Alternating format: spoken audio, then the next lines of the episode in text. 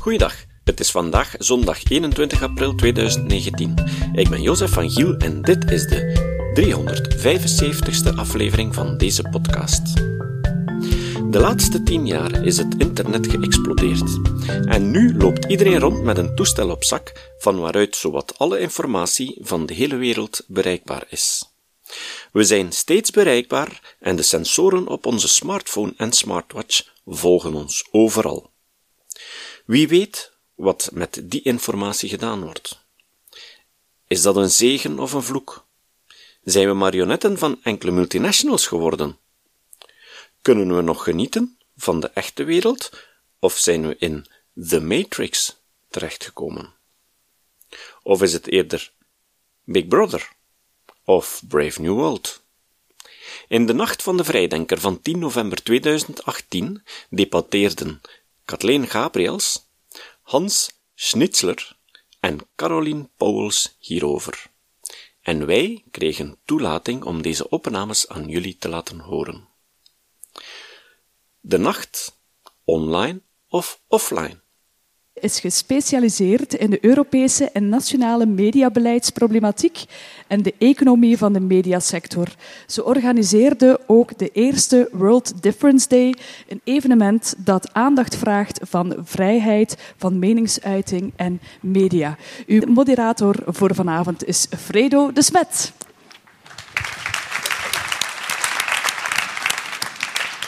Dank u wel voor de mooie introductie en welkom iedereen. Welkom lieve gasten, Kathleen, Carolina Hans. Ik mag ze tutoyeren. Hopelijk blijft dat recht overeind staan tijdens het debat. Waar te beginnen? We hebben maar drie kwartier en we moeten het over het internet hebben. En het internet is overal, dus is heel, er zullen sowieso aspecten zijn die we niet genoeg benaderen. Daarnet vroeg jij waar begin je? Tijdens de voorstelling of de lezing in de grote zaal van Pinker was er een probleem met de projector technologie wilde eigenlijk nooit echt mee. En eh, de man naast mij opent Pokémon op zijn, op zijn telefoon en neemt van het moment gebruik om even nog een paar Pichakoes te vangen of zo. Ik heb niet gezien wat hij precies gedaan heeft. Het was zo'n mooi beeld dat hij snel even rondkeek, swipe, swipe, ah, hier is er iets te vangen. Het was een gym. Spelen jullie wel eens Pokémon Go? Nee, nee, nee. nee. Wat brengt jullie hier? Ik wil even een persoonlijke noot brengen, of ik wil even op, op het persoonlijke spelen. Hoe sta je tegenover het internet? Natuurlijk is het voor een deel jullie job. Maar ik zou graag weten, ik zag ook daarnet, Hans, dat je geen smartphone hebt. Dus het is misschien interessant, ook voor de mensen in de zaal, welk vlees hebben we in de kuip? Hoe sta je er persoonlijk tegen? Ja. Wat, wat mij het meest triggert als moderator is de opmerking die ook via mail kwam, die ook in het programmaboekje staat, is de vraag naar een, een zinvol leven. We kunnen daar natuurlijk op een macroniveau mee omgaan, wat we ook misschien even doen straks. Welke filosofen interesseren ons, maar laten we beginnen op een persoonlijk niveau. Die spanning tussen macro en micro is interessant. Mhm. En ik zal achteraan beginnen. Even naar jou, Kathleen. We gaan het rijtje af. Je bent heel kritisch tegenover technologie in je boek. Je, je hebt ehm, uh, of ik voel dat je een design-achtergrond hebt, waardoor dat je heel gemakkelijk processen ziet die de mensen een beetje verleiden. Can you walk the talk? Hoe ga je zelf om met de applicaties, de interfaces die je beschrijft? Ik heb zelf geen ingenieursachtergrond. Uh, misschien even duidelijk. Ik ben uh, van opleiding Germanist en filosoof, maar mijn studenten zijn wel de exacte wetenschappers dus mijn houding ten aanzien van het internet is ook, ik kan daar niet goed of slecht naar kijken. Dat is, dat, is een kluwe van voor- en nadelen. Het internet heeft ons ongelooflijk veel goede dingen gebracht. En als je dan met zo'n uh, dystopisch denkend iemand in discussie treedt, dan zeg ik ook altijd het voor, of geef ik altijd het voorbeeld van Bednet. Uh, dus kinderen die langdurig ziek zijn, kunnen dankzij het internet toch geïntegreerd worden in het klaslokaal. Skype heeft ongelooflijk veel vooroordelen.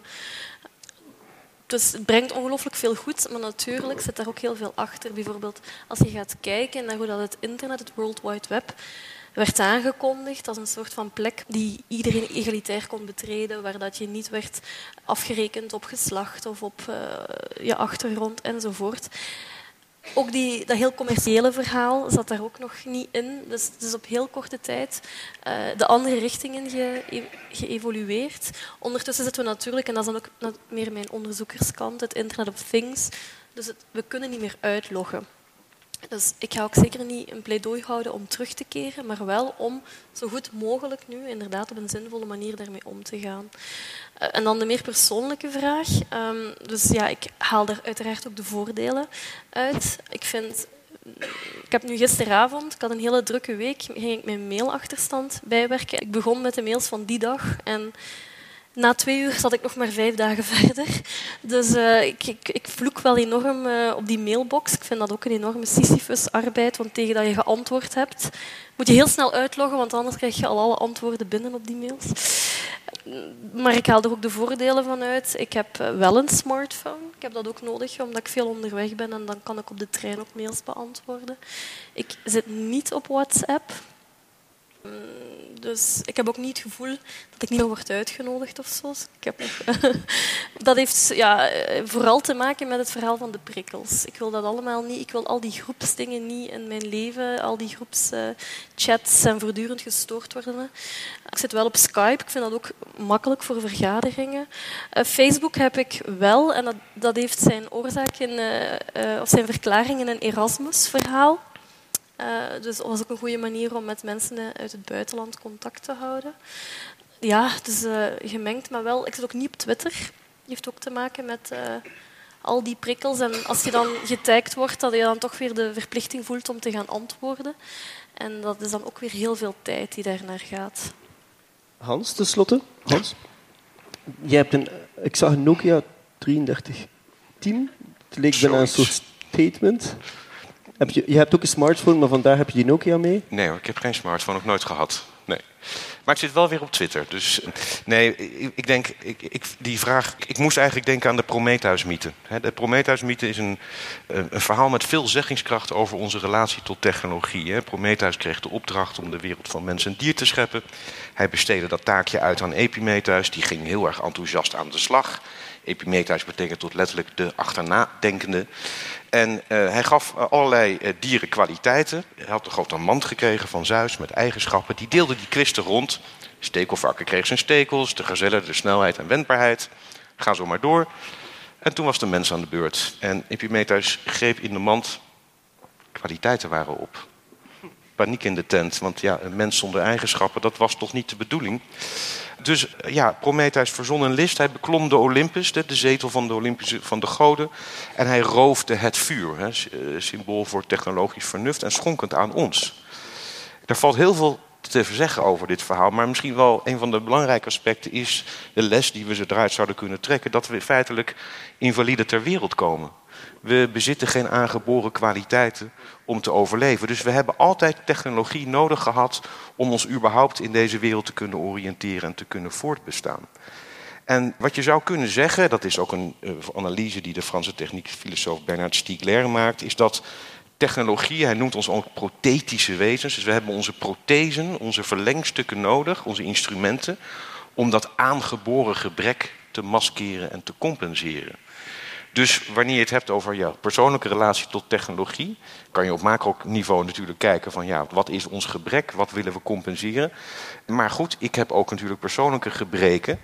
Dus ja, in die zin uh, misschien een zekere mateloosheid. Uh, verslavingsgevoeligheid. Ik ben zelf ook een roker, dus ook heel erg ontvankelijk voor die prikkels. Ik ben waarschijnlijk ook een beetje ijdel. Dus ja, in die zin probeer ik mezelf een beetje te beschermen. En wil ik tegelijkertijd, als ik me in de publieke ruimte begeef, ook werkelijk fysiek in mijn volle, de volle belichaamde realiteit van die ruimte ervaren. Dus dan heb ik liever geen smartphone. En misschien is het ook een beetje mijn onbeduidende daad van verzet dat niet voortdurend al die datastromen bij de Googles en, de, en, en dat soort bedrijven belanden. Even een pauze drukken, want je hebt heel veel gezegd en we gaan dingen moeten parkeren voor straks. Ten eerste, de verwijzing naar Prometheus is interessant. Ik wil straks met jullie ook praten naar oude filosofen of verhalen die jullie inspireren of gebruiken in de wereld van vandaag. Ik wist niet eigenlijk, Caroline, dat jij een filosoof was. Dat heb ik geleerd bij de research, die vrij secuur was. En, um, dus dat wil ik wel even, even aftasten. Aristoteles, Plato zijn allebei heel interessant om te herlezen vandaag. Uw persoonlijke, uw karakteriële eigenschappen ook bijzonder boeiend. Maar laten we beginnen bij die prikkels en de, en de verslavingscultuur. Want daar schrijf je eigenlijk over Mhm. in eh, een van de twee boeken die je gepubliceerd hebt. Beschrijf eens, wat heb je gedaan? Je hebt een aantal studenten van jou uitgedaagd een week offline te zijn. Voor, je hebt ze uitgedaagd tot de digital Ja. detox. Ja, eh, wel van belang.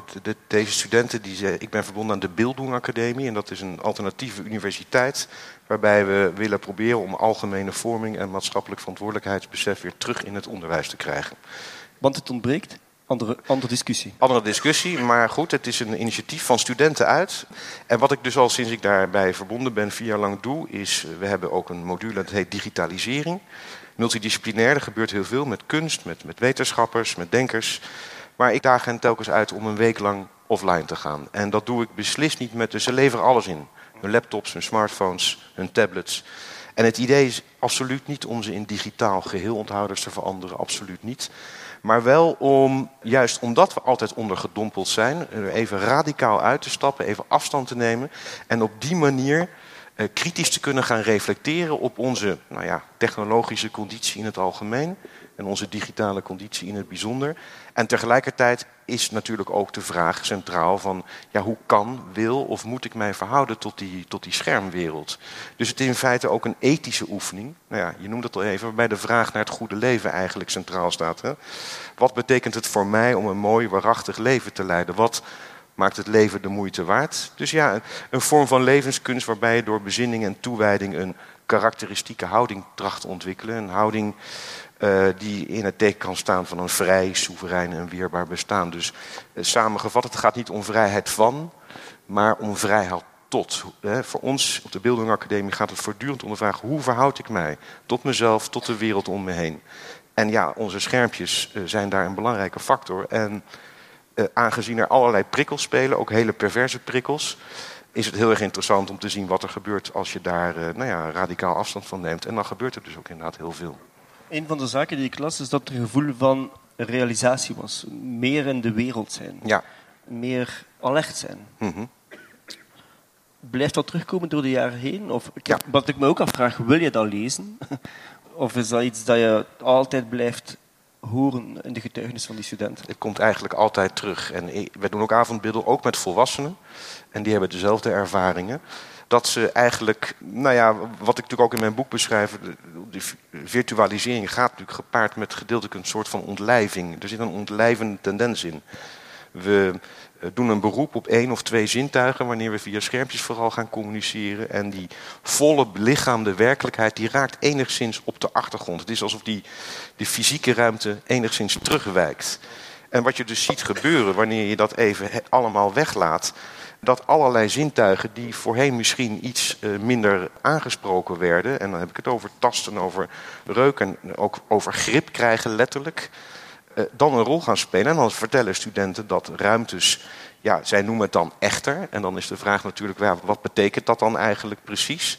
Maar in ieder geval, eh, wat je hoort is dat ze zich meer bewust worden van de veelvormigheid van ruimtes. Ook van de natuur, de intensiteit. Ook het feit dat ze niet afgeleid worden in de zin van telkens daar een foto van willen maken. Wat natuurlijk ook ergens tussen die realiteit en henzelf in gaat staan. Zorgt dat ze op een andere manier de werkelijkheid ervaren en beleven. En ik, ik vermoed dat het te maken heeft met dat alle zintuigen aangesproken worden. En dat daar minder afleiding is natuurlijk. Heb jij in de gesprekken met die studenten, hoe snel maak jij het onderscheid tussen de technologie zelf, die digitale infrastructuur en de industrie die eraan gekoppeld is? Want je, er was al sprake van de vele prikkels, van de aandacht die, ons, die heel tijd wordt gevraagd. Dat is eigenlijk een economisch verhaal. Ja, voor een groot precies. stuk. Nou, dat is een van de vragen die je aan studenten kan stellen na zo'n week. We reflecteren daar natuurlijk uitgebreid op. Is, nou, je hebt nu geen data verzameld. Wat betekent dat nu eigenlijk? En vervolgens ga je natuurlijk het gesprek aan over... oké, we hebben dus te maken met een industrie... Niet voor niets wordt er ook wel eens wel gesproken over aandachtseconomie. Dus bedrijven als Google en Facebook zijn in feite aandachtsboekeraars. Ze zijn erop uit om ons samen te laten smelten met die schermpjes. Dat genereert die data. En die data is natuurlijk ja, de olie die de internetindustrie gaande houdt. En dat ja, die logica die daarachter ligt, uh, die er dus voor zorgt dat die aandacht enorm versnipperd raakt. Omdat we voortdurend van het hier en nu naar een overal en nergens verbannen worden. Dat ervaren de studenten ook. Ze zeggen allemaal, ik heb een vorm van aandacht ervaren die ik nog nooit in mijn leven heb gehad, een aantal zelfs. Nou ja, dan moet je het dus daarover hebben, over die sociaal-economische uh, realiteit die erachter ligt en de verdienmodellen. En het hebben over wat is aandacht en wat betekent het eigenlijk.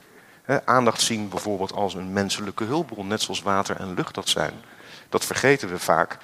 En dat, ja, waar zuivere lucht ons laat ademen, laat zuivere aandacht ons denken en voelen.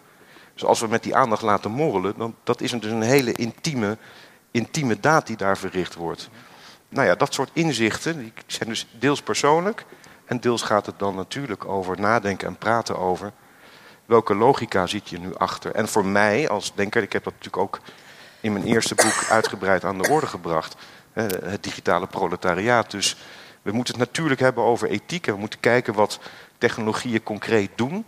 En tegelijkertijd sta ik juist toch heel erg voor een kritische filosofie in de zin dat ik juist graag wil kijken naar die machts'ideologieën, de structuren, de belangen die ervoor zorgen dat bepaalde technologieën ontwikkeld worden en überhaupt ook geaccepteerd worden. Wat, wat zit daar, wat voor mensen en wereldbeelden spelen daarin mee? Wat voor belangen? Ik denk dat we daar heel veel oog voor moeten hebben. Er moet veel onderzoek gedaan worden. Uh, en tegelijkertijd denk ik dat we ook onder die technologieën moeten kijken naar uh, die economische doelrationaliteit. Is het nog mogelijk om dat te scheiden? Op, op de VUB bijvoorbeeld, dat ze, historisch is een universiteit anders gegroeid, meer in silo's georganiseerd, terwijl dat dit uh, echt interdisciplinair onderzoek vraagt om echt inzicht te hebben, zowel hoe de machines werken, zowel hoe de designinterface werken, zowel hoe de economie en de processen van die grote wereld of globale bedrijven werken. Um, hebben we daar een achterstand? Of zie je dat, en dan een vraag naar jou, Kathleen, zie je dat de studenten, dat hoop ik een beetje, zelf die gaat beginnen opvullen? Maar laten we beginnen bij jou. De bedoeling is dat wij naar scholieren gaan om met opnieuw een heel interdisciplinaire equipe van zowel economen als psychologen als sociologen, demografen, om hen te doen nadenken over data. Want dat is hetgeen dat wij moeten leren als reflex hebben. Hè. Wie verzamelt data over ons? Welk soort data en hoe worden die eventueel en tegen welke prijs aan iemand overgedragen? Het enige wat wij moeten beseffen is dat die data echt van ons zijn dat die niet tot iemand behoren. Ook al kun, kan je op een bepaalde manier uh, bepaalde zaken optimaliseren en zijn wij daar af en toe ook goed mee. Maar het idee dat iets dat ons over soms zoveel intimiteit gaat, dat dat eigenlijk maar te grabbel wordt gegooid, daar moeten wij een heel sterk bewustzijn over uh, oproepen en, en ook aankweken. En je kan daar eigenlijk maar best heel vroeg bij beginnen. Dus als je op de NIF zit, is het wat ons betreft eigenlijk te laat. En ik denk dat veel universiteiten vandaag, en je kan je afvragen of dat, dat de taak is, ja, we willen vanuit die, die onderzoeksbehoefte opnieuw, die interdisciplinair loopt, toch ook naar heel jonge kinderen toe. En dat wil iedereen, hè, omdat je, je voelt op de het eigenlijk al voor een stukje te laat. Twee, in, in het organiseren van curriculum proberen wij ook zaken te organiseren. Dus een, cursus bijvoorbeeld heet Redelijk Eigenzinnig.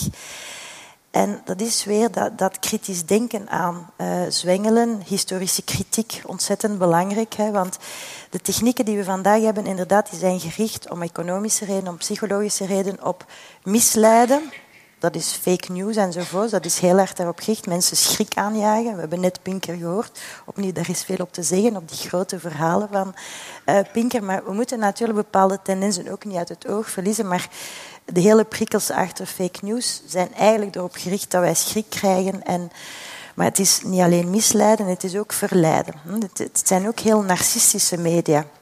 Het, het is een, een soort van continue populariteitspol. En dus daar begin je best rond die datawijsheid, mediawijsheid, ontzettend vroeg mee. En dat is het ontrafelen van het economische verhaal daarachter, dat je in een netwerkeconomie zit waar dat het een het andere op gang trekt, dat je daar niet zo snel uit raakt, maar ook dat je bewust bent van die psychologische prikkels en wat dat op jou doet. Dus ik ben zal jou niet verwonderen in negatieve voor hetgeen een universiteit eh, en, en alle universiteiten vermogen. Ik zie nog vele andere uitdagingen. Ik bedoel, rond de manier waarop we op een bepaald ogenblik ons discours zijn beginnen organiseren. Dat is niet altijd heel genuanceerd. En die sociale media die nodigen ook niet altijd uit tot die nuance. Dus het, het spreken, het buikgevoel laten spreken. En ik vind het niet slecht om te weten wat de onderbuik denkt. En af en toe ga ik echt door de modder van Facebook. ik verplicht mezelf. Of de HLN-comments. Ja, wel ja, maar je moet dat ook af en toe doen. Want ik denk ook wel, als wij vandaag soms verwonderd zijn, zogezegd over stemmengedrag, dan hebben wij toch ook voor een stukje een mea culpa te slaan. En het contact is soms niet heel direct. En dus ik vind het heel nuttig soms om door die uh, modder en die bagger te gaan, omdat jouw eigen denkbeeld inderdaad aan delen wordt geslagen, maar dat wil niet zeggen dat een ander ongelijk heeft. Dus in heel dat verhaal van, en, en je, zei daar net iets over filosofen enzovoort. Ja, ik ben wel meer geïnteresseerd in de mening van degene die ik eigenlijk niet volg omdat de andere wel eens gelijk zou kunnen hebben. Dat schaadt Maar ik, ik vind dat heel belangrijk. En het medium dacht mij ook op die manier uit. Ik kan in mijn eigen vriendenkring niet zoveel dissonante... Wij kunnen ongelooflijke discussies hebben, maar ik kan niet zoveel dissonante meningen horen in mijn klikje dan wanneer ik mij verplicht, want voor een stuk zijn er uiteraard filterbubbels, maar wanneer ik me verplicht door die modder te gaan, dan, ja, dan kijk ik op en dan denk ik, kijk, hier moeten universiteiten ook mee aan de slag. Hier moeten wij oplossingen voor kunnen vinden. Maar ik wilde even terug naar de, naar de vraag, want ik heb het gevoel dat je een beetje politiek ook geantwoord hebt. In de zin van, laten we het even concreet maken. Ik wil nu gaan studeren, net zoals 15 jaar, nee, 20 jaar geleden, ben ouder als ik dacht.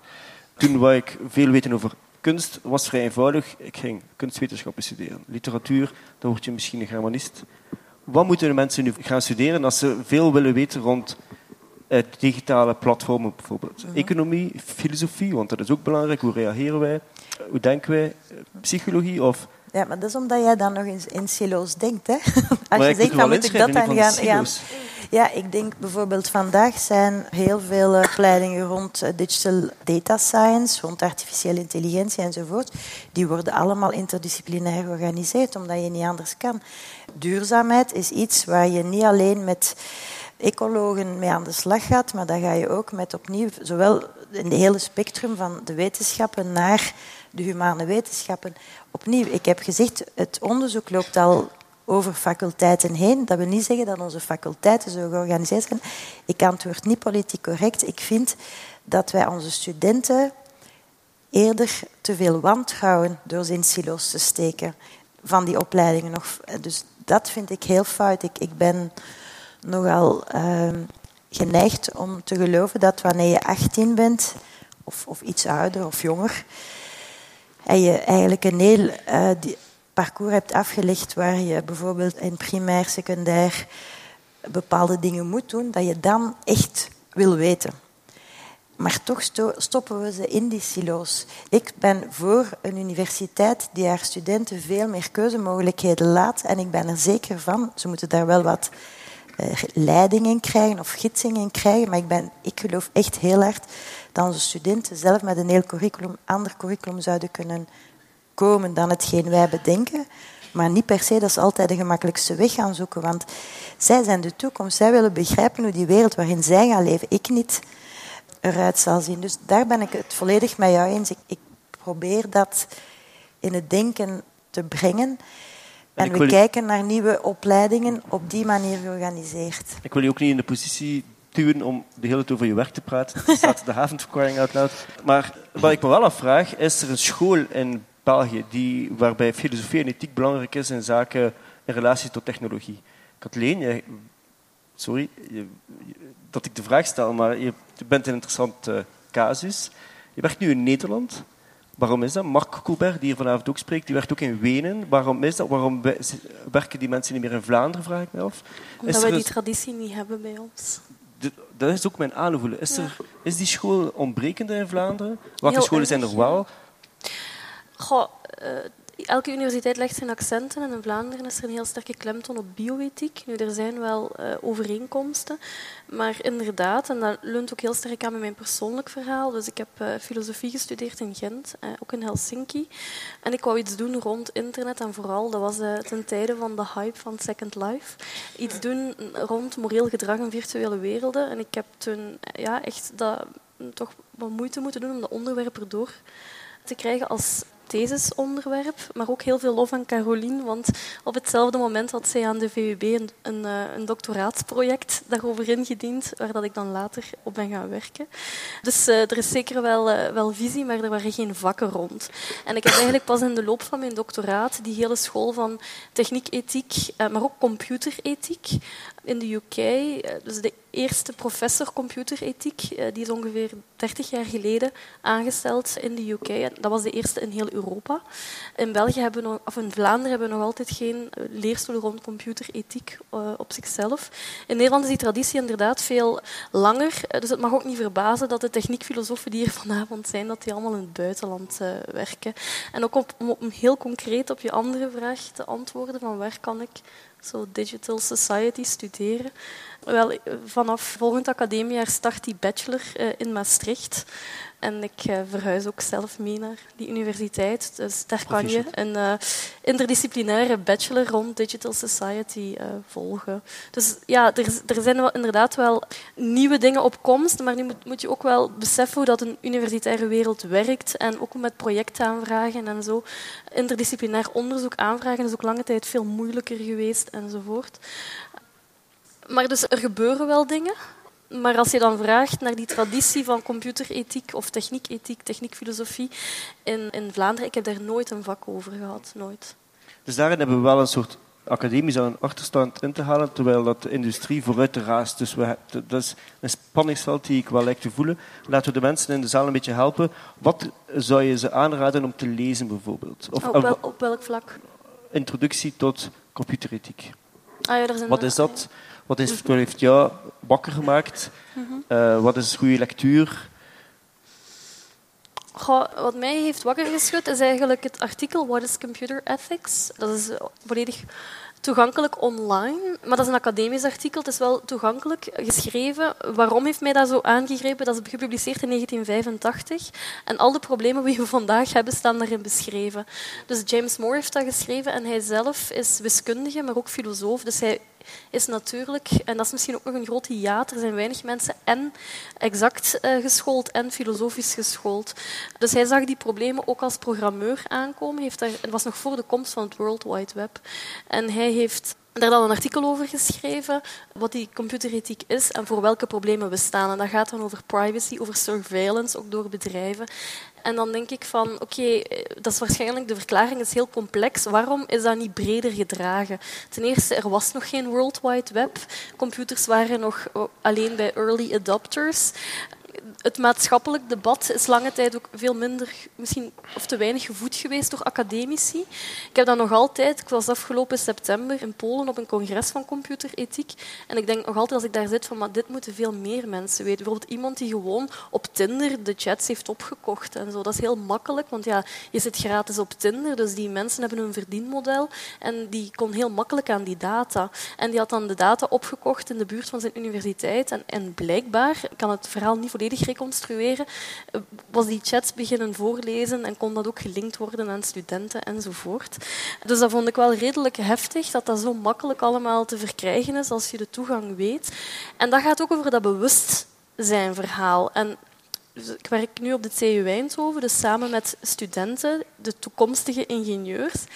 Denken we er ook over na, om bijvoorbeeld die psychologische mechanismen, die zijn deel van een stroming over hoe je technologie ontwikkelt, en dat is addiction by design. Dus dat is echt gewoon letterlijk een groep mensen rond de tafel die nadenkt hoe kunnen we mensen verslaafd maken. Denk aan de gokmachines van Las Vegas. Natuurlijk, daar zit een heel verdienmodel achter. Je wilt dat die mensen daaraan blijven hangen. Candy Crush is zo bijvoorbeeld ontwikkeld. En die mensen die ontkennen dat ook niet. Dat zijn gewoon gekende psychologische mechanismen die ze gebruiken om mensen verslaafd te maken. Bijvoorbeeld dat die notifications bij Facebook rood zijn, dat heeft ook een psychologische betekenis. Maar mensen moeten zich daar wel bewust van zijn dat daar ook die strategie achter zit. En daar zie ik vaak nog een hiaat. En nu zie je sorry dat ik je on, uh, nog even iets over die nieuwe iPhone. Dus dat is ook wel interessant, omdat je ziet ook vanuit de maatschappij nu veel meer aandacht rond verslaving. Of ik zou liever die fragmentering noemen, hè. zeker naar studenten paar dagen geleden gaf ik een lezing voor 300 senioren die anderhalf uur gewoon luisteren. Niemand kijkt op de smartphone. En in mijn eigen groep van studenten is dat heel gefragmenteerd. Die zitten achter de laptop, uh, de smartphone. Zelf moet ik ook schuldig pleiten, want ik heb ook mijn smartphone of mijn laptop tijdens vergaderingen. Dus je wordt heel erg je brein is gefragmenteerd. En nu zie je bijvoorbeeld die industrie daar wel op inspelen. De nieuwe iPhone die heeft dat nu ingebouwd, hè, dat je je bewuster wordt van hoeveel je ermee bezig bent. Dat is ook heel contradict. Allee, dat, ik vind echt een contradictie. Enerzijds willen ze je verslaafd maken, anderzijds nu dat ze zien, oei, de markt verschuift daarin, nu gaan we het anders aanpakken. Dus het eerste wat jullie zeggen, eigenlijk alle drie op een andere manier, is om tot een gezondere houding te komen binnen deze offline-online wereld, is meer debat, meer dialoog. Meer, met die bus bijvoorbeeld. Hè? Ik denk, ja, ik, dus wat dat het gevaar zou zijn, is dat je technologische oplossingen zoekt voor problemen die we zelf voor een stukje ook kunnen oplossen door gewoon zelf na te denken. Dus mhm. technosolutionism ja. is echt voor een stukje is, zal technologie ook oplossingen bieden, bijvoorbeeld voor fake news en inderdaad het mechanisme inbouwen, maar het is nog altijd het afgeven van controle. Ook al hè, uh, maakt men jou dan bewust van, je bent al zo lang op het scherm en het stopt dan bij wijze van spreken we moeten die hele redenering, we moeten onszelf kunnen stoppen. Ja, dat is één ding inderdaad hierop aanvullend, want ik, ik, ik zeg het graag ook scherp. Feitelijk zijn we met die smartphone of die iPhone, die bestaat pas 11 jaar. Mm dus op een hele fundamentele manier heeft dat heel diep ingegrepen op de manier waarop we interacteren, met elkaar omgaan, met elkaar communiceren. Je zou kunnen zeggen dat we in feite met een sociaal, psychologisch, neurologisch experiment bezig zijn. Al een aantal jaren, ook met uh, de jongste kinderen. En ja, volgens mij is het toch gebruikelijk wanneer we nieuwe technologieën of nieuwe, bijvoorbeeld nieuwe medicijnen ontwikkelen. Dat wordt uitgebreid getest op de lange termijn, wat voor consequenties het kan hebben. Maar wanneer het op onze technotoop aankomt, en zeker de dingen die we dagelijks gebruiken, zoals een smartphone, dan en nu de smart speakers, dan laten we het gewoon aan de markt over. En ja, je zou eigenlijk feitelijk willen dat, dat er een, ook een soort maatschappelijke, maar ook zeker politieke druk gaat komen om enerzijds dat bewustzijn, dat we mhm. beter weten wat, wat er gaande is en tegelijkertijd nou ja, het in dit soort kaders gaan zien. Dat experimenteren op zichzelf ben ik best voor een experiment zo nu en dan. Maar goed, de consequenties, het over fake news bijvoorbeeld, over aandacht die zijn toch wel verstrekkend. En we, kunnen, we beginnen daar nu wat zicht op te krijgen. Maar moet ook, het verhaal moet ook, moet, moet ook ja, het narratief moet wel uh, kloppen. Wel, ik, wat ik heel interessant vond, en ik gebruik dat ook vaak uh, naar studenten toe, een van de ontwerpers van de iPhone heeft spijt. Ja over een aantal keuzes. En dat was een heel mooi interview in de zomer van 2017, dat is Tony Fadel. En het was een beetje overdreven natuurlijk. Zegt van soms word ik wakker, badend in het zweet en vraag ik me af wat we gedaan hebben. Is dat nu eigenlijk goed of is dat niet goed? Maar de reden waarom hij het ook een ontwerpfout noemt, is omdat hij en, en, dat vind ik ook een heel mooi voorbeeld van de valkuil als je als ontwerper je eigen leven als norm neemt. Dus ze hebben dat, eh, dat die iPhone is ontwikkeld door mensen die vooral in de twintig waren, ongetrouwd en kinderloos. En ze hebben dat voor zichzelf ontwikkeld. En nu heeft hij kinderen, tienerkinderen. En blijkbaar, als die opgeslorpt worden door een telefoon, kijkt zijn vrouw naar hem en zegt hij van... Jij bent mede verantwoordelijk. En hij heeft in dat interview gezegd, dat is een ontwerpfout. We hebben niet nagedacht over hoe dat die iPhone in een gezinsverband moet functioneren. En dat is ook de reden waarom, en dat is natuurlijk heel sterk mijn betoog, die ethiek voor ingenieurs zo belangrijk is. Van, neem jezelf niet als norm. Dat is ook heel dynamisch, die persoonlijke situatie je, hadden ze toen al meer nagedacht misschien over hoe dat... Je kan natuurlijk niet alles voorspellen, maar over dat familiaal verband, over de werkcontext, dan was dat misschien minder individueel geweest. Of had dat bewustzijn, die bewustzijnsapp er al van het begin bij gezeten. Dus... Ja. Maar dat is, ja, misschien om daar eventjes op in te haken, dat is nu net iets dat we bijvoorbeeld binnen het onderzoekscentrum, waar Kathleen is gedoctoreerd, ook continu in de hoofden van mensen printen. En niet alles wat technologisch mogelijk is, is sociaal wenselijk, juridisch verdedigbaar, ethisch verantwoord en economisch haalbaar.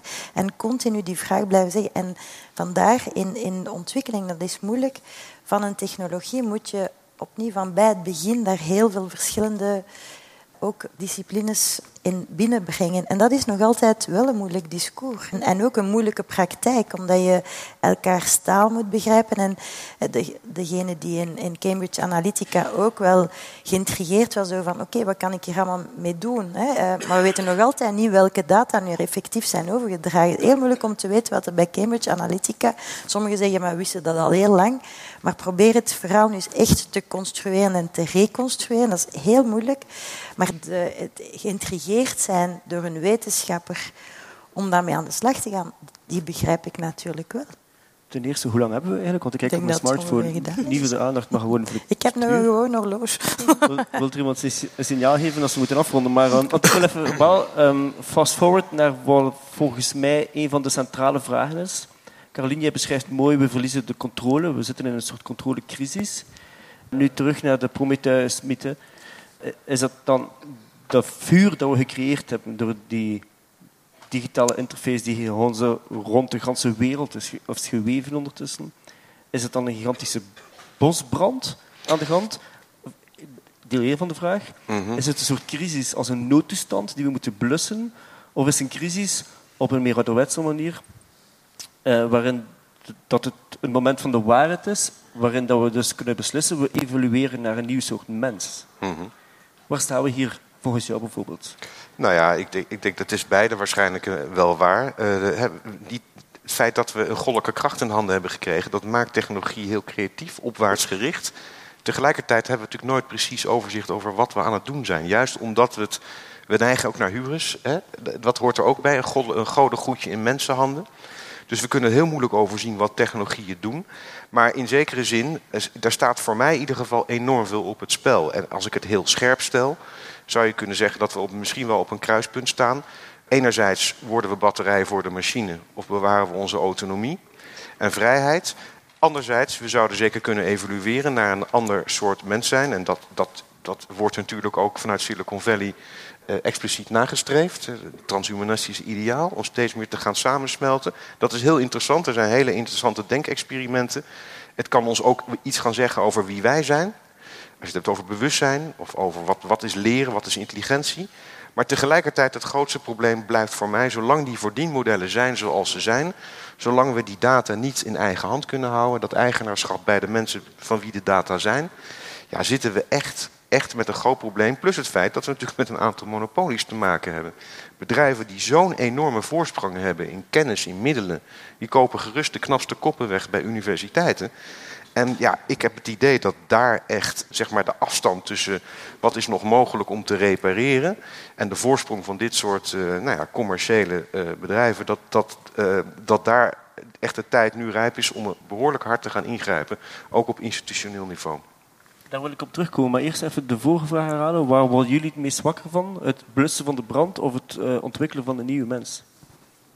Goh, ik vind uh, puur als, ja, als techniekfilosoof, lange tijd was, was hun taak reageren op bestaande technologie. Ik denk dat onze rol vandaag veel proactiever is. Meest nadenken, eh, samendenken over hoe kan die technologie beter ontwikkeld worden? Hoe kan die meer in het algemeen belang? Welke methodologieën kunnen we gebruiken om bijvoorbeeld de eindgebruikers er al bij te betrekken? Dat soort van vragen. Dus, dus dat vind ik wel heel relevant. ja, samen nadenken eigenlijk. Um, dus ik vind dat wel trouwens een moeilijke vraag van de nieuwe mens, omdat ik daar... Ja, wat is de mens? Het is een... Uh, het is een belangrijke vraag, maar eigenlijk dat is altijd al een dynamisch begrip geweest. Um, er zijn, als je vandaag een, een, pacemaker krijgt ingeplant, is de kans groot dat die aan het internet is gekoppeld. Dus de cyborgs zijn al onder ons. En persoonlijk heb ik er ook geen probleem mee om cyborg te zijn, als uh, dat een manier is om op een kwaliteitsvolle manier verder te leven. Dus natuurlijk, als die nieuwe mens binnen een heel nauw kader wordt ingevuld en, en met weinig oog voor veiligheid, computerbeveiliging of zo. Ja, uiteraard uh, moeten we daar heel hard uh, waakzaam voor zijn. Maar op zich ben ik niet bang voor uh, een aantal betrachtingen om ja, gezonder te zijn of, of om problemen aan te pakken met technologie. En, ik ben daar en wat betreft die nieuwe mensen bij jou, Caroline? Want je hebt ook kinderen. In hoeverre kunnen we de volgende generaties helpen zichzelf te ontwikkelen door bijvoorbeeld goede tips te geven in, in het goede leven, in ethisch gedrag, een aantal vaardigheden aan te leren in een beter gesprek? En kunnen we zo een nieuwe mens of een, versie 2.0 of 3.0 ontwikkelen? Ja, ik ben niet zo geïnteresseerd in de nieuwe mens. Mens is al genoeg voor mij. Dus ik denk dat wij soms wat damodderen en dan weer vooruit gaan. Ik vind, ik zie heel wat technologie dit leven echt beter maakt. We gaan door technologie mensen die niet kunnen zien, wellicht is vandaag al mogelijk terug laten zien mensen die ook bij behulp van, van exoskeletons toch rechtop kunnen staan. En, en dat is echt een mens terugwaardigheid geven. Dus waar het mij om draait is niet een nieuwe mens, maar een waardige mens. En als we daar naar streven en, en, die, en die waardigheid, ligt natuurlijk ook altijd die zelfreflectie over hetgeen wat we zelf in handen kunnen houden. En hetgeen waar we soms ook wel ons moeten bewust zijn, tja, we zijn het hier aan het overdragen en willen we dat? Dat zijn de vragen die we eigenlijk iedere dag opnieuw moeten stellen. En het verhaal en de vraag naar controle, het verlies van controle ook door media, nieuwe technologieën, is eigenlijk, heeft de mens ook altijd vergezeld. We, zijn altijd voor een stukje boom- en doemdenkers geweest tegelijkertijd. Ik denk niet dat we, als we hier vandaag allemaal zitten, velen hoop ik toch in goede gezondheid, dan is dat ook door wetenschap en technologie. En ik denk dat we dat perspectief niet mogen verliezen. Waardigheid heeft voor mij te maken met nemen wij onze beslissingen zelf.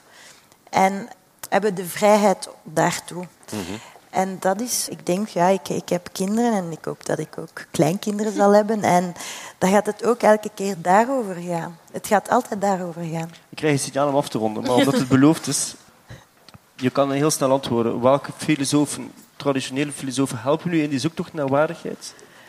Uh, ja, voor mij is dat Anne Arendt, die, die, ook zichzelf niet per se een filosoof noemde, maar uh, ik, ik heb heel veel aan Anne Arendt, eigenlijk iedere dag.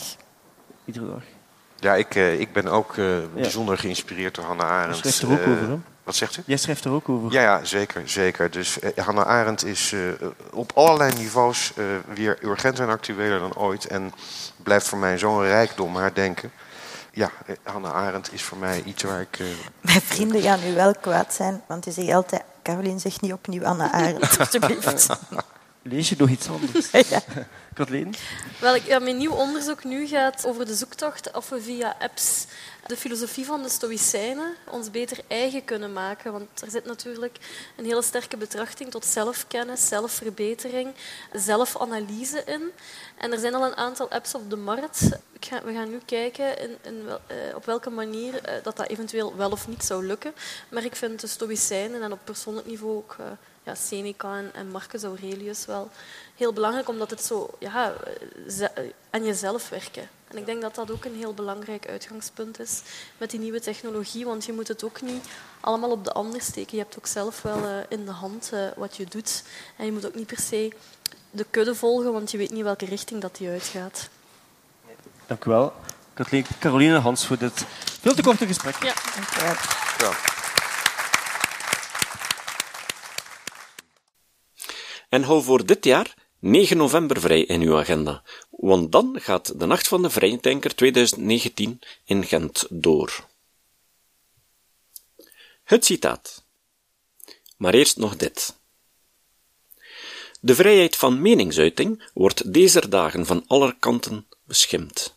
Soms lijkt het inderdaad alsof er in onze democratische rechtsstaat geen ruimte meer is voor een kritische blik. Recent werd ook SCEP in het vizier genomen. Aanleiding was de publicatie van een artikel in het ledenmagazine Wonder is geen wonder, waarin onder meer de methodes van Karl van de Velde en zijn gelijknamige instituut op gefundeerde wijze op de korrel werden genomen. Geheel in lijn met de activiteiten van SCEP is Wonder is geen wonder een magazine dat precies tot doel heeft pseudowetenschappelijke en wetenschapsfilosofische onderwerpen en praktijken op kritische wijze te benaderen.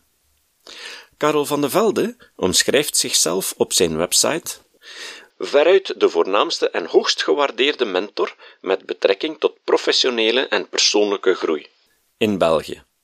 www.karelvandevelde.be Via zijn instituut biedt hij allerhande seminaries en masterclasses aan met titels als Master in Results, Matrix van Leiderschap en Opus Omnia. De seminaries zijn ware massa-evenementen met honderden deelnemers en doen sterk denken aan shows van Tony Robbins. In een recent persartikel dat verscheen voor het artikel in Skep werd Karel van de Velde trouwens omschreven als de Vlaamse Tony Robbins.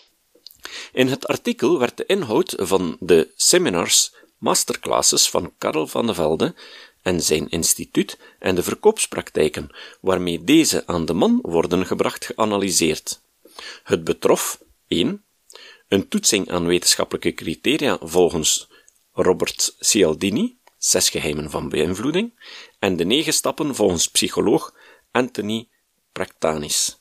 En 2. Een inhoudelijke beoordeling van een aantal pseudowetenschappelijke theorieën die we aantroffen in zijn cursusmateriaal, zoals daar zijn NLP, het creatieve rechterbrein tegenover het rationele linkerbrein, enzovoort. In plaats van het debat op constructieve wijze aan te gaan, hebben Karel van de Velde en zijn instituut de auteurs van het artikel, Skepleden, Patrick Vermeeren en Bart van de Ven, prompt gedagvaard en getorpedeerd met een schadevergoeding van maar liefst 400.000 euro. Skep kan de poging om haar auteursmond dood te maken niet met lede ogen aanzien. Skep steunt Patrick en Bart onvoorwaardelijk en hoopt ook op uw steun om het recht op vrije meningsuiting te laten zegevieren. Herinner u de oproep van onze Australische evenknie, Australian Skeptic, die via een fundraising voldoende middelen verwierven voor de betaling van de kosten voor de verdediging van Brit Hermes tegen de naturopaat Huber. Wij willen hier in België hetzelfde opzetten. Uw milde bijdrage om de kosten voor de verdediging te helpen dragen kan worden geleverd via de door SCEP opgezette crowdfundingcampagne. Met een bedrag van 50 euro komen we al snel heel ver. Eventuele overschotten zullen worden bijgehouden voor de toekomstige acties tegen overleden of auteurs in ons ledenblad. U kan uw bijdrage online storten via de link die je vindt op het einde van de notitiepagina's van deze aflevering. Het citaat van vandaag komt van Hans Rosling. Hans Rosling was een Zweedse arts die bekend werd met zijn indrukwekkende grafieken waarmee hij de evolutie van de wereld toont. Hiervoor ontwikkelde hij samen met zijn zoon en schoondochter software dat je kan vinden op de website Gapminder. Hij overleed op 7 februari 2017, maar zijn zoon en schoondochter werkten zijn laatste boek Feitenkennis af. En wat voor een boek! Een van de beste boeken die ik in de laatste tien jaar gelezen heb. Uit dat boek komt het citaat. Rosling zei Dank je wel, industrialisatie. Dank, staalfabriek. Dank, energiecentrale. Dank, chemische industrie. Omdat jullie ons de tijd hebben gegeven om boeken te lezen. Tot de volgende keer. Dit was de podcast Kritisch Denken. Vergeet niet om alles kritisch te behandelen, ook deze podcast. Voor verdere informatie over deze podcast, links en voor de tekst, surf naar www.kritischdenken.info. Als je deze podcast belangrijk vindt, kun je me steunen door anderen warm te maken ook eens te luisteren. Stuur een e-mail naar vrienden met een link naar de website en plaats de link in de handtekening van je e-mails. Tevens kun je op iTunes deze podcast een beoordeling geven of een recensie schrijven. Of je kan op je eigen website of blog een link naar kritisch denken plaatsen.